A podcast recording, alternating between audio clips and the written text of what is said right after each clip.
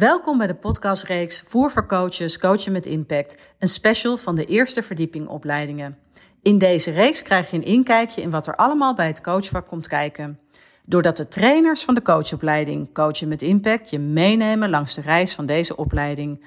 Altijd gericht op hoe kom je tot de kern en bij mogelijkheden van je coachie. En vooral, wat is daar dan voor nodig?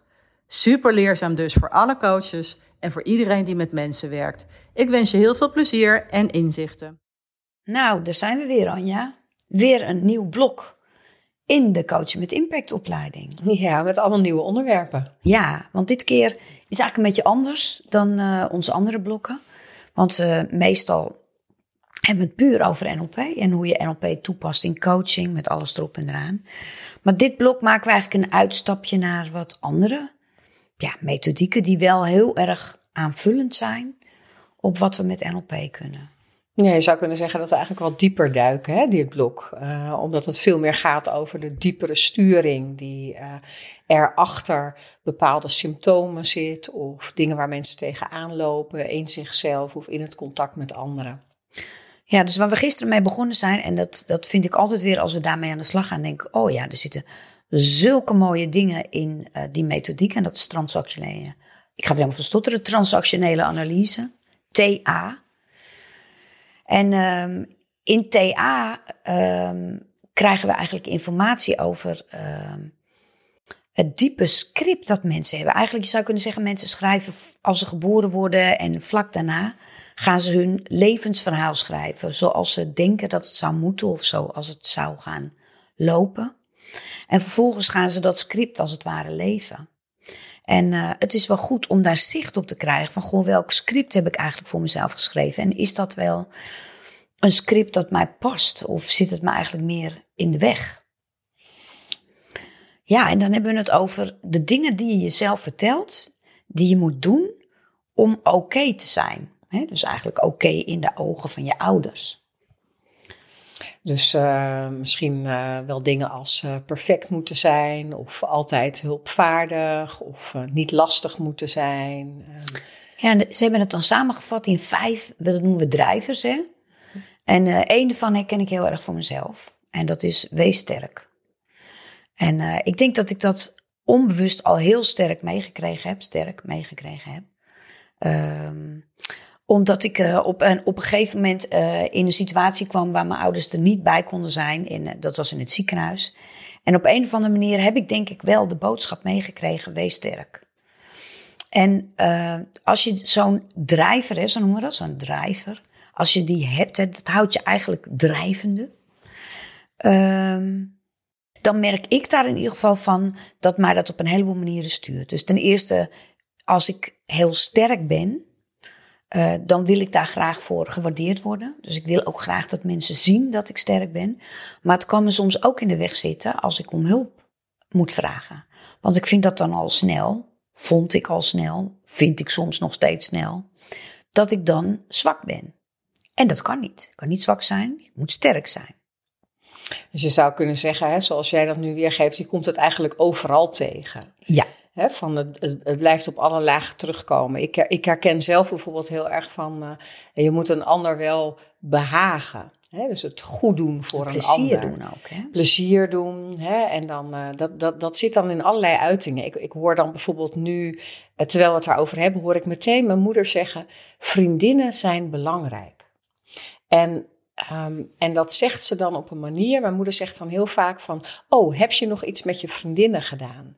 Dus het goed hebben met anderen is heel erg belangrijk. En um, waar, ik, waar ik dat dan zelf in herken, is dat op het moment dat het even niet goed is met anderen, dat ik echt in een soort paniek kan raken. En dat ik dan eigenlijk ook niet goed weet wat ik, wat ik moet doen.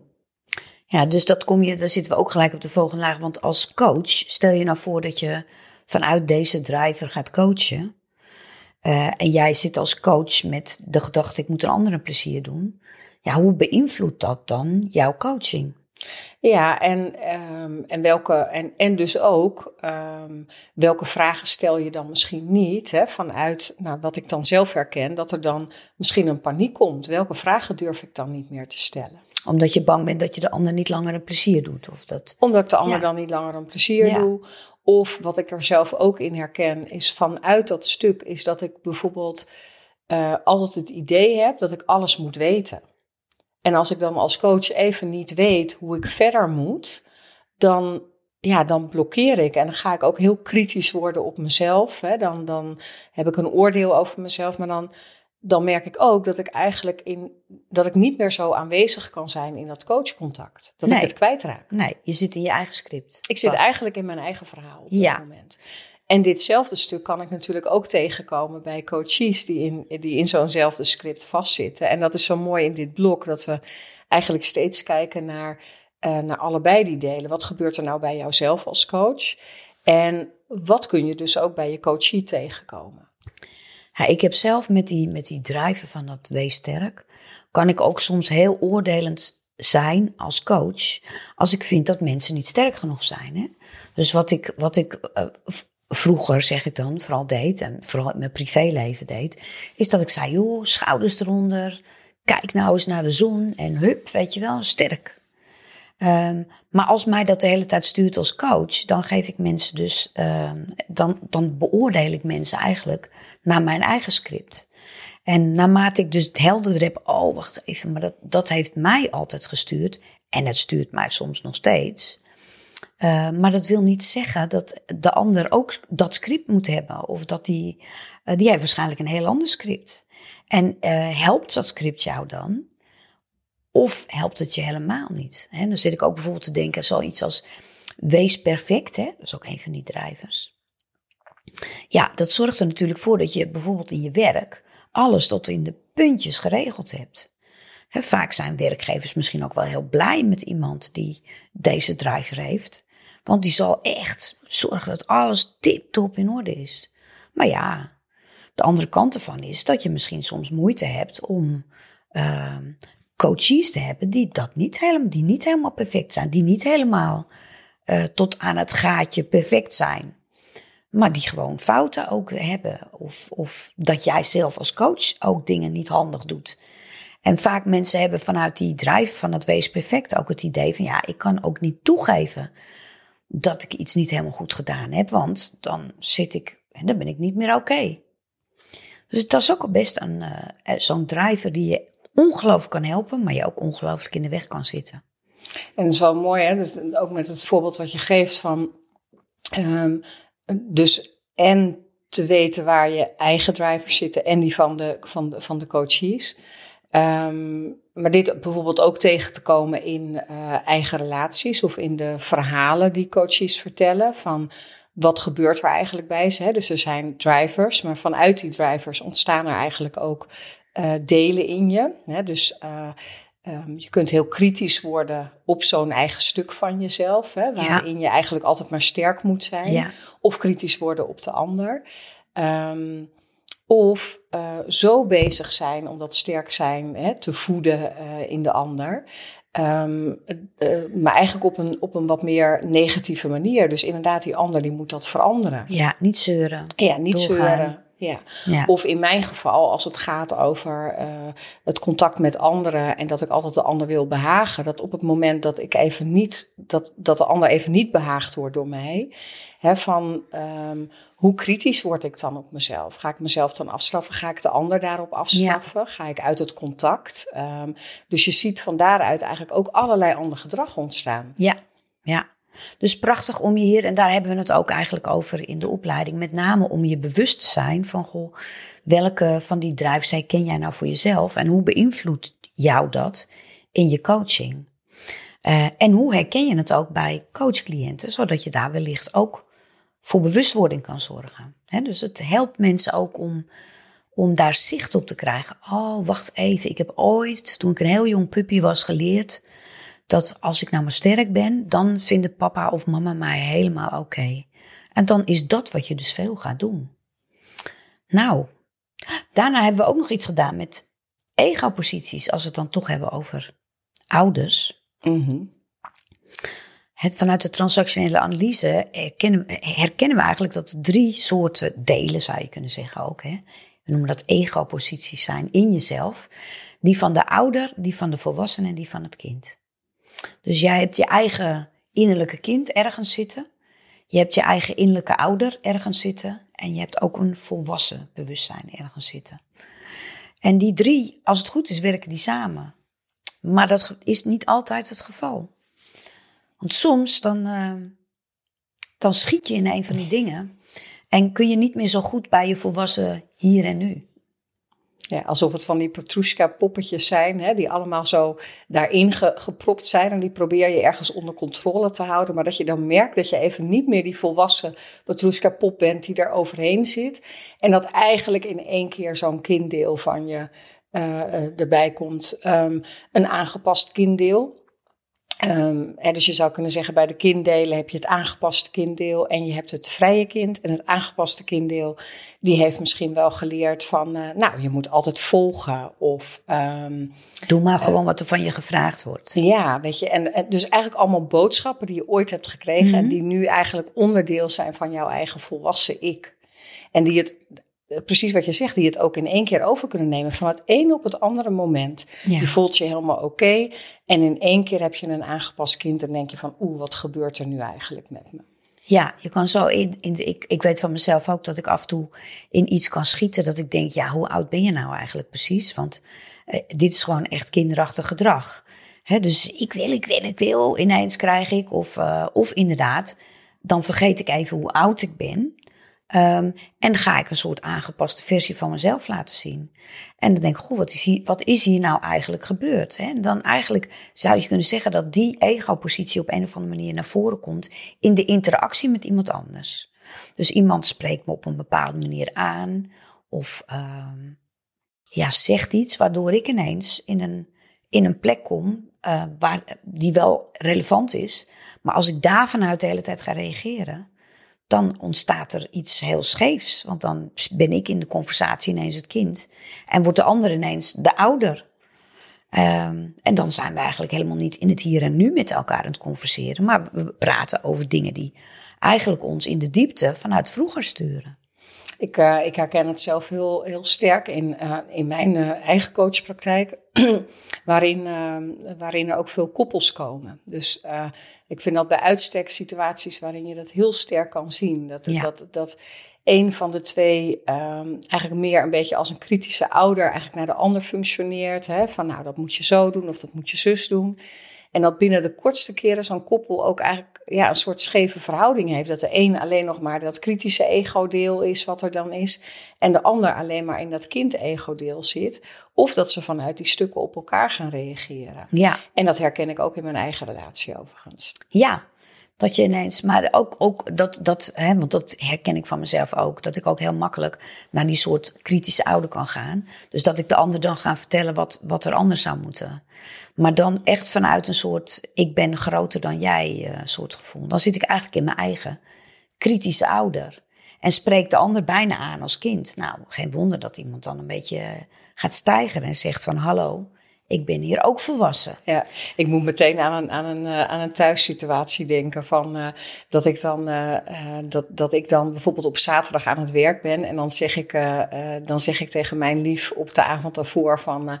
Nou, um, wil jij misschien nog even dat en dat halen? En zou je dat? En dan krijg ik zo'n hele boze reactie terug. En jij zit mij te vertellen wat ik allemaal moet doen. En dan, dan, dan, dan zie ik op dat moment ons erin schieten en denk van, oh ja, dat is het. Weet je. Ik ben dan die ouder die, een, die als het ware een lijstje gaat geven van zo ja. moet je het doen en ja. zus moet je het doen. Ja. En, en je kan precies hetzelfde zeggen, maar vanuit die volwassen ego-positie. Waardoor het wel op, ook bij de ander, wellicht op de volwassen ego-positie binnenkomt. Ja, ja, is mooi. En, en wat ik, hè, dus, dus ik zie ook zo in dit blok wat we aan het geven zijn, hè, dat, uh, dat we ook allemaal dan ervaren hoe is het om op al die verschillende ego-posities te staan. Niet te proberen iets weg te halen, maar eigenlijk in jezelf te herkennen, ik heb al die delen. En, um, en als ik dan denk hè, aan, aan koppels waar ik net over vertelde, dan is het vaak dat je elkaar de schuld geeft.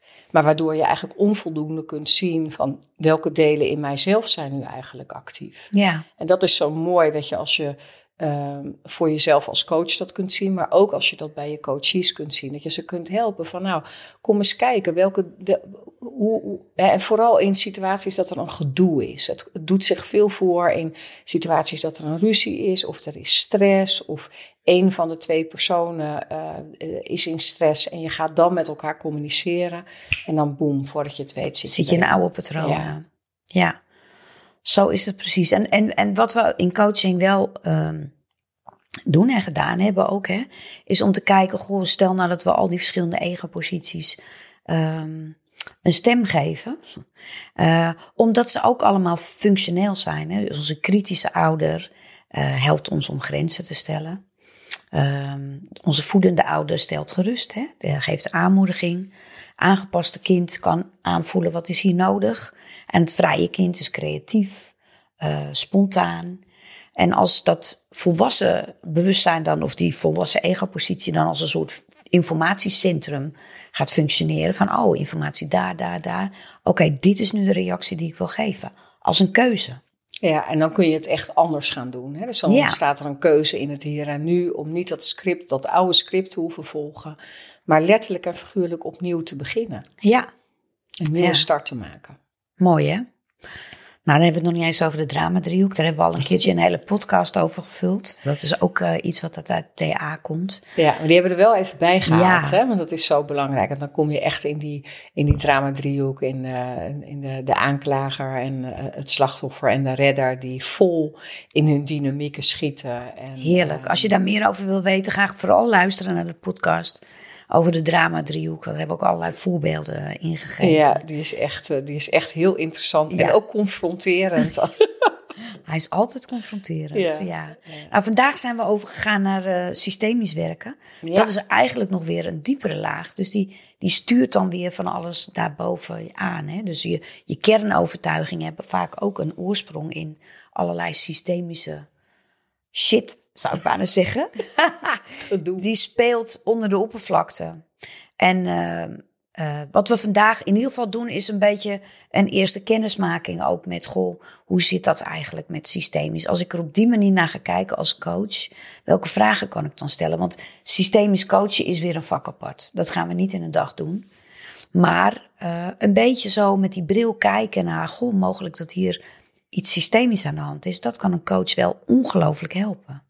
Ja, dus echt, nou ja, inderdaad vragen stellen, maar ook waarnemen. En ook in, we hebben vorige keer ook over taal gehad, hè, zo van in taal ook kunnen horen van hé, hey, waar, waar heeft iemand het eigenlijk over? Welk systemisch taalgebruik is er eigenlijk ook in het verhaal wat iemand vertelt? Ja.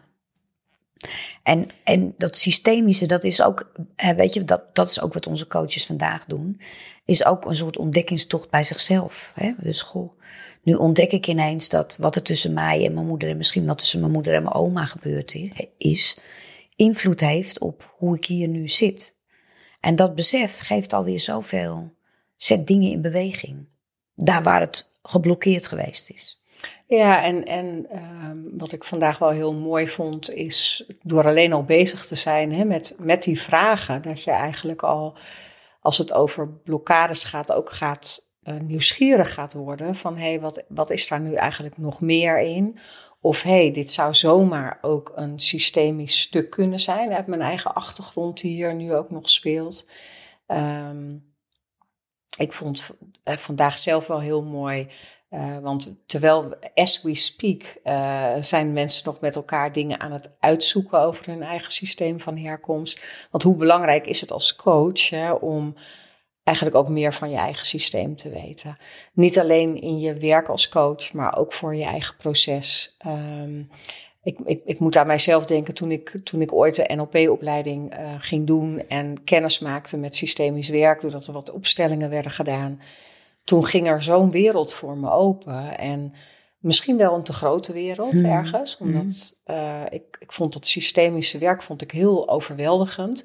En wat ik heel fijn vond, was om uh, nou, echt iets meer te leren over de systemische dynamieken, over um, symptomen die kunnen ontstaan. Um, en als ik naar vandaag kijk, dan, dan vind ik weer heel mooi ja, hoe, we door, hè, door, door het gewoon over plek te hebben.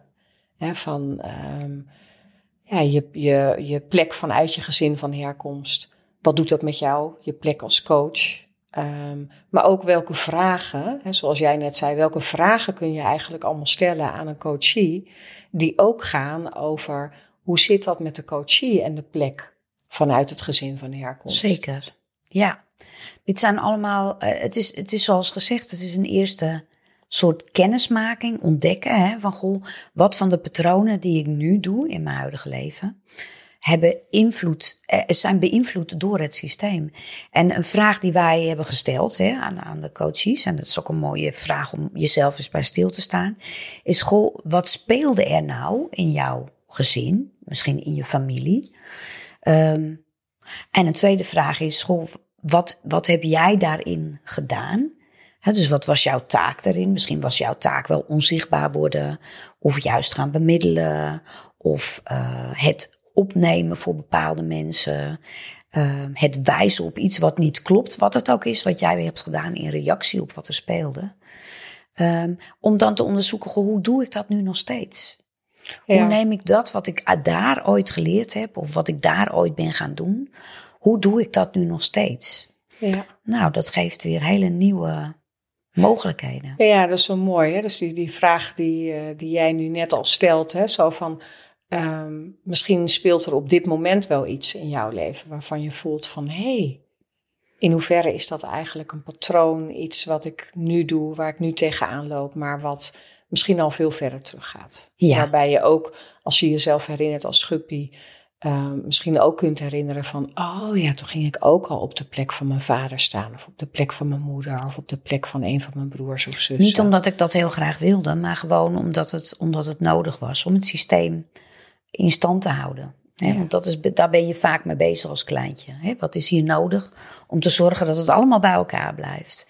En dat is dan wat je gaat doen. En hoe kun je dan nu, hè, vanuit je volwassen ik, hè, misschien eh, net zoals je dat net zei vanuit Thea, hoe kun je dan informatie ook weer halen uit verschillende delen? Of um, hoe kun je bij een coachie bijvoorbeeld de vragen stellen die nodig zijn hè, om, ja, om, om meer oké okay te worden en meer ja, jezelf oké te vinden met, met je achtergrond, met je gezin van herkomst, met hoe zich dat in het hier en nu ook aandient.